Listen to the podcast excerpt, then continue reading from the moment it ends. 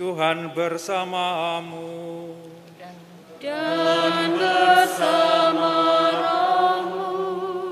Inilah Injil suci menurut Lukas. Dimuliakanlah Tuhan. Pada suatu hari Sabat, Yesus datang ke rumah salah seorang pemimpin dari orang-orang Farisi untuk makan di situ. Semua yang hadir mengamat-amati dia dengan seksama. Melihat tamu-tamu berusaha menduduki tempat-tempat kehormatan, Yesus selalu mengatakan perumpamaan ini.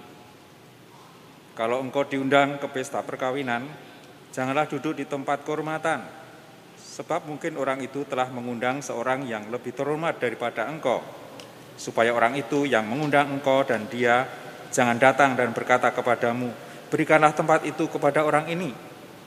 Lalu dengan malu engkau harus pergi pindah ke tempat yang paling rendah. Tetapi apabila engkau diundang, duduklah di tempat yang paling rendah. Mungkin tuan rumah akan datang dan berkata kepadamu, sahabat, silahkan duduk di tempat yang lebih terhormat. Dengan demikian engkau akan menerima hormat di depan mata semua orang yang makan bersamamu. Sebab siapa saja yang meninggikan, meninggikan diri akan direndahkan, dan siapa saja merendahkan diri akan ditinggikan.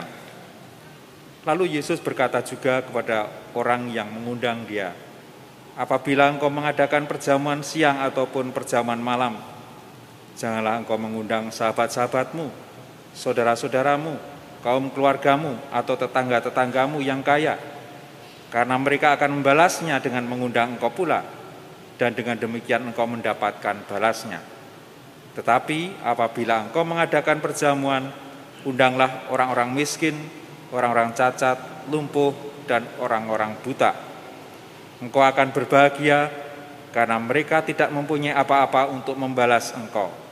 Sebab engkau akan mendapat balasannya pada hari kebangkitan orang-orang benar. Demikianlah sabda Tuhan. Terpujilah Kristus.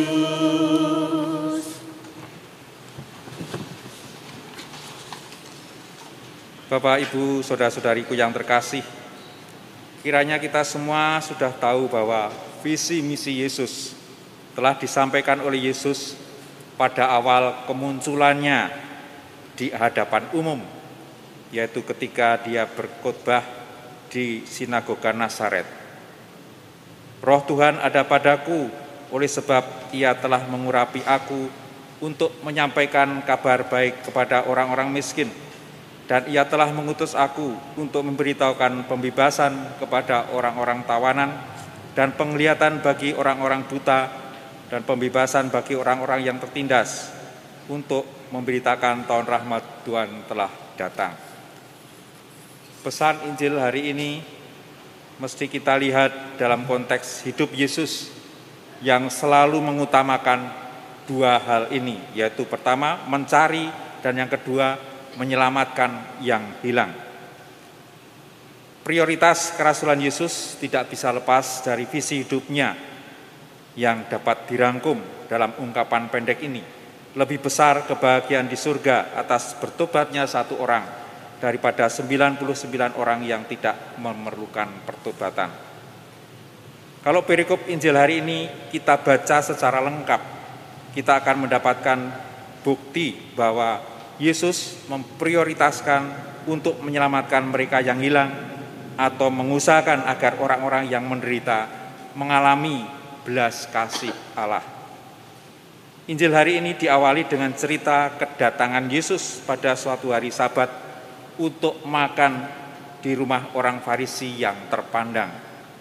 Semua orang yang hadir mengamat-amati Yesus sebab mereka pernah mendengar bahwa pada suatu hari Sabat Yesus pernah menyembuhkan seorang perempuan yang dirasuki roh sampai bungkuk badannya.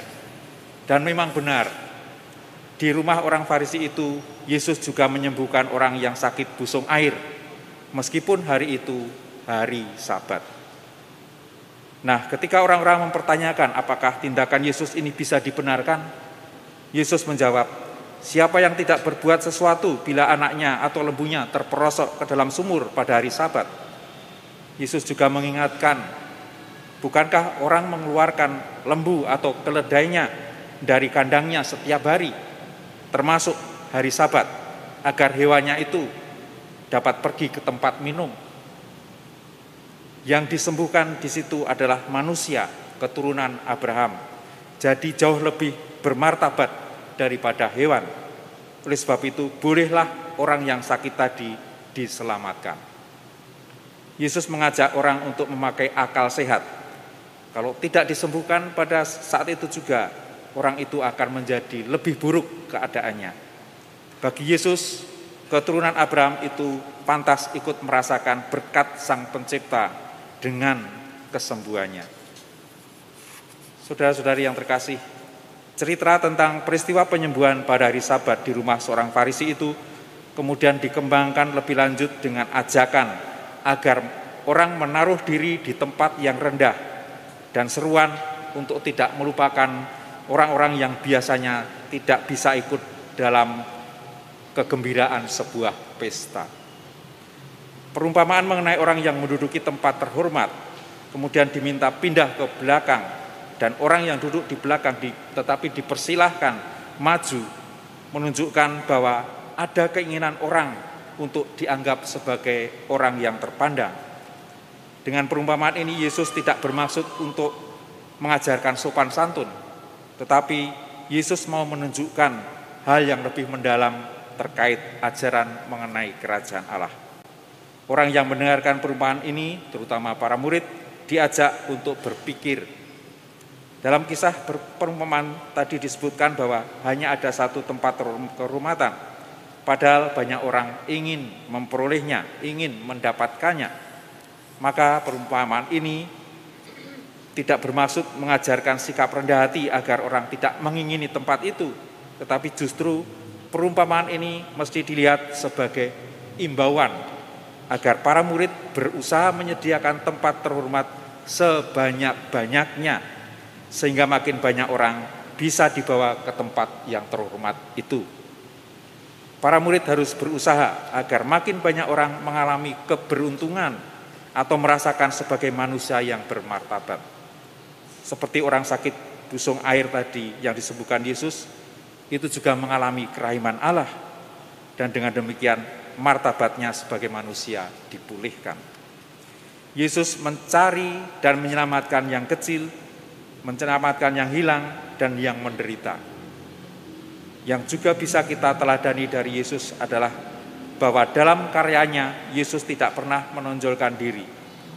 Ketika menyembuhkan orang kusta misalnya, Yesus melarang orang itu memberitahukan kepada siapa pun. Atau setelah peristiwa penyembuhan mata dua orang buta, Yesus juga melarang mereka untuk woro-woro. Saudara-saudari yang terkasih, dalam bagian kedua dari Injil hari ini, ada pengajaran yang melengkapi bagian pertama. Bila para murid didorong untuk menyediakan tempat terhormat sebanyak-banyaknya sehingga banyak orang dapat ikut menikmatinya, manakah kegiatan yang paling mendukung tujuan itu? Jawabannya ialah undanglah orang yang tidak bakal mampu membalas mengundang, yakni orang miskin, orang cacat, orang lumpuh, dan orang buta. Disebutkan juga dalam perumpamaan itu bahwa kebaikan yang tak langsung bisa dibalas ini menjadi sumber kebahagiaan bagi yang mengadakan pesta. Orang mesti menantikan balasan yang benar-benar diharapkan, yaitu balasan yang diberikan pada hari terakhir oleh Yang Maha Kuasa. Dengan demikian, diajarkan agar orang menjalankan kebaikan kepada kaum lemah dengan dorongan yang amat manusiawi tapi juga sekaligus religius, manusiawi, karena bagaimanapun juga balasan itu tetap kita harapkan. Bersifat religius, karena balasan yang bakal diperoleh itu baru sungguh-sungguh didapat pada hari kebangkitan orang-orang benar.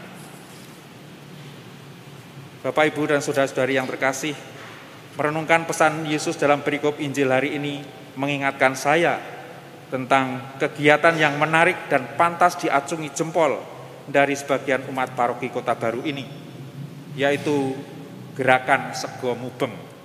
Dan tentu Anda semua tidak asing dengan gerakan sego mubeng ini.